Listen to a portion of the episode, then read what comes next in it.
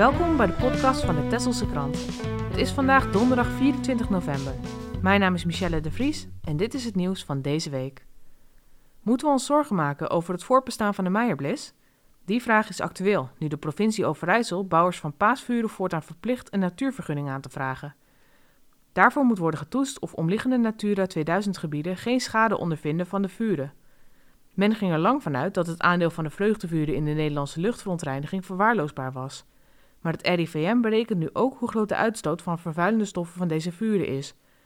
De uitstoot van stikstof blijkt beperkt, maar zorgelijk zijn de hoeveelheid fijnstof en polycyclische aromatische koolwaterstoffen die vrijkomen. De vuren zijn verantwoordelijk voor 6% van de jaarlijkse uitstoot in Nederland. Het RIVM heeft de paasvuren in kaart gebracht. Op hun website staat een kaartje. De Meijerblussen staan er ook op, maar vooralsnog zonder meetgegevens. Consternatie over vreugdevuren is niet nieuw. In 2002 dreigde al een verbod op de Meijerbles. Ter voorkoming van bodemvervuiling was het stoken van open vuren verboden. De Meijerbles werd gedoogd, maar de nieuwe Milieuwet zette daar een streep door. Milieuofficier meester P. Groenhuis kwam het oeroude folkloristische gebruik met eigen ogen aanschouwen. Hem werd de eer gegund de Meijerblis aan te steken. Dat bracht hem op andere gedachten. De wettelijke regelgeving moest nog wel worden aangevuld. Voor Meijerblissen moest een uitzondering gaan gelden. In 2015 werd de Meijerblis bijgeschreven in de lijst van immaterieel erfgoed Nederland. Of dat verschil gaat maken is nog maar de vraag. Ook paasvuren elders in het land komen voor op deze lijst. Een oproep aan iedereen die 380 euro aan energietoeslag kan missen. Maak het over en help mede-Tesselaars in nood. Het Fonds Energiesolidariteit is onderdeel van het Tesselfonds en een initiatief van voorzitter Jacco Mokveld en Lilian Malschaert van Bewindvoering Tessel. Lilian helpt mensen die in financiële problemen belanden en komt steeds meer schrijnende situaties tegen. Ze vertelt in de krant van komende vrijdag dat er steeds meer mensen zijn die maar 50 euro per week overhouden voor boodschappen.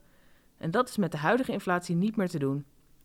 De armoede door hoge energielasten beperkt zich echter niet alleen tot mensen met een minimuminkomen, laat Malschaert weten. Ook mensen met een hoger inkomen komen niet meer rond. In slecht geïsoleerde huizen is het wel haast onmogelijk om onder het prijsplafond te blijven waarop de belastingvoordelen van 2022 gebaseerd zijn. Ook zijn er grote zorgen over de eindafrekening die begin volgend jaar betaald moet worden. Het Tesselfonds verleende een startkapitaal van 10.000 euro. U hoort hier Jacco Mokveld, de voorzitter van het Tesselfonds.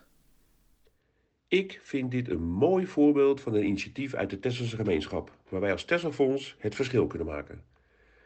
Lilian en ik hebben nagedacht over hoe we dat geld, dat op de ene plek minder hard nodig is dan op de andere, bij mensen kunnen krijgen die erom zitten te springen. Alleen wij als Tesselfonds alleen kunnen dat niet. De oplossing zit echt in samenwerking. Met Lilian, met de gemeente en met Tessels Welzijn. Wij als Tesselfonds steunen dit initiatief met een startkapitaal van 10.000 euro en beheren de gelden. En zij kennen de inwoners en kunnen beoordelen wie het echt nodig heeft.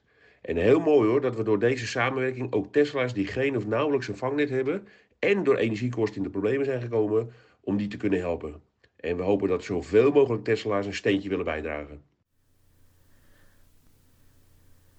Kampeerboeren zijn verbijsterd. Zij mogen vanaf eind januari slechts nog tenten op hun terrein hebben.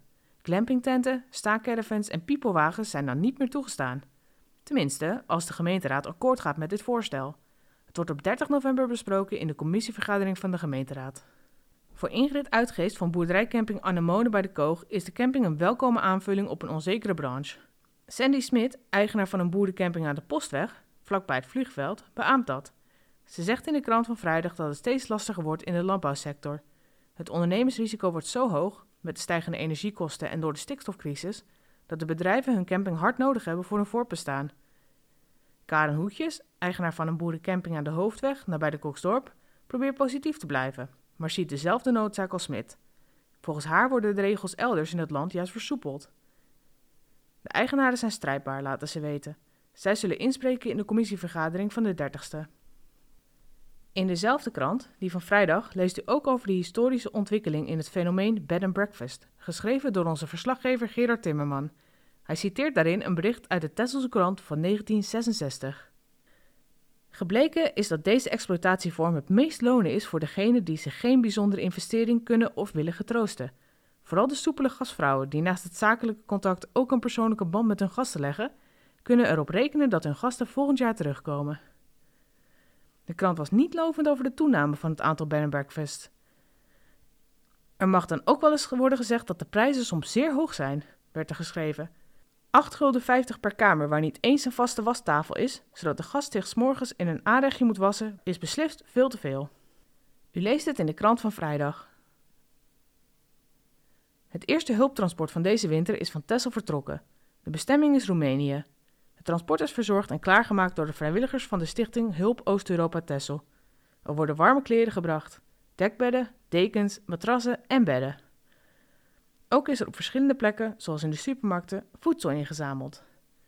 De organisatie laat weten dat het inzamelen van voedsel voorlopig doorgaat, omdat er door de oorlog in Oekraïne grote nood heerst, ook in omliggende landen. Blikken voedsel kunnen op maandag, dinsdag en donderdag van 10 tot half 5 bij Marikoweg nummer 5 ingeleverd worden. Sinds Mariska Woerman, Tjaart Hoeksema en hun dochters Linde en Berber terug zijn van een wereldreis van vier jaar, worden ze bestookt met vragen. Ze voeren ruim 30.000 zeemijlen langs meer dan 30 landen. Het was niet de bedoeling om zo lang weg te blijven, maar door het uitbreken van COVID werden ze voor keuzes gesteld. We spraken Mariska daar begin oktober over, vlak na hun thuiskomst in de haven van Oude Schild. Vanaf het moment dat je vertrekt, heb je eigenlijk geen flauw idee ehm, hoe de reis eruit komt te zien. Wij wisten echt niet waar we naartoe zouden gaan en hoe lang we weg zouden blijven. Want je hebt zoiets nog nooit eerder gedaan, dus je moet eerst maar uitvinden hoe dat reisje bevalt. Nou ja, gaandeweg wisten we natuurlijk dat we, dat we het leuk vonden en dat we ook wat langer weg wilden blijven. Maar ja, toen kwam COVID en toen we daar na hele lange tijd eigenlijk eenmaal uitkwamen en een soort weg naar huis hadden gevonden, stond vanaf het vertrek uit Frans-Polynesië, stond eigenlijk alles al anderhalf jaar lang in het teken van thuiskomen op Texel. En ja, dat is met name voor onze meiden ook heel belangrijk geweest, want ja, je vertrekt van Texel en ondertussen zijn alle scenario's de revue gepasseerd. Hè. We hebben overwogen om ondertussen de boot te verkopen of om de boot achter te laten en maar naar huis te vliegen. Maar eigenlijk zijn met name de meiden en dan met name de oudsten van... Mam, we zijn met die boot vertrokken en nu wil ik met die boot thuiskomen ook. Op vrijdag 2 december organiseren Woertman en Hoeksema samen met de Krim een avond voor alle Tesselaars met exotische hapjes, afkomstig van de plekken waar ze geweest zijn. Er is beeldmateriaal en er is ruimte om vragen te stellen. En dan tot slot nog sport. Tessel 94 werd periodekampioen in de vierde klasse van het amateurvoetbal.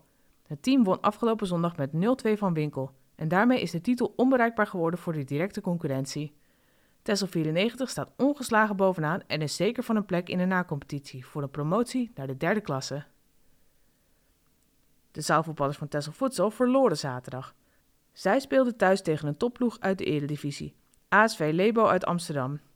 Futsal ging er vanuit het af te moeten leggen tegen het topteam, maar het team hield zich behoorlijk staande. Ze verloren met 2-3. De Tesselse krant verschijnt twee keer per week en staat steeds boordevol nieuws, reportages en achtergronden. Neem ook een abonnement op de lokale krant van Tessel.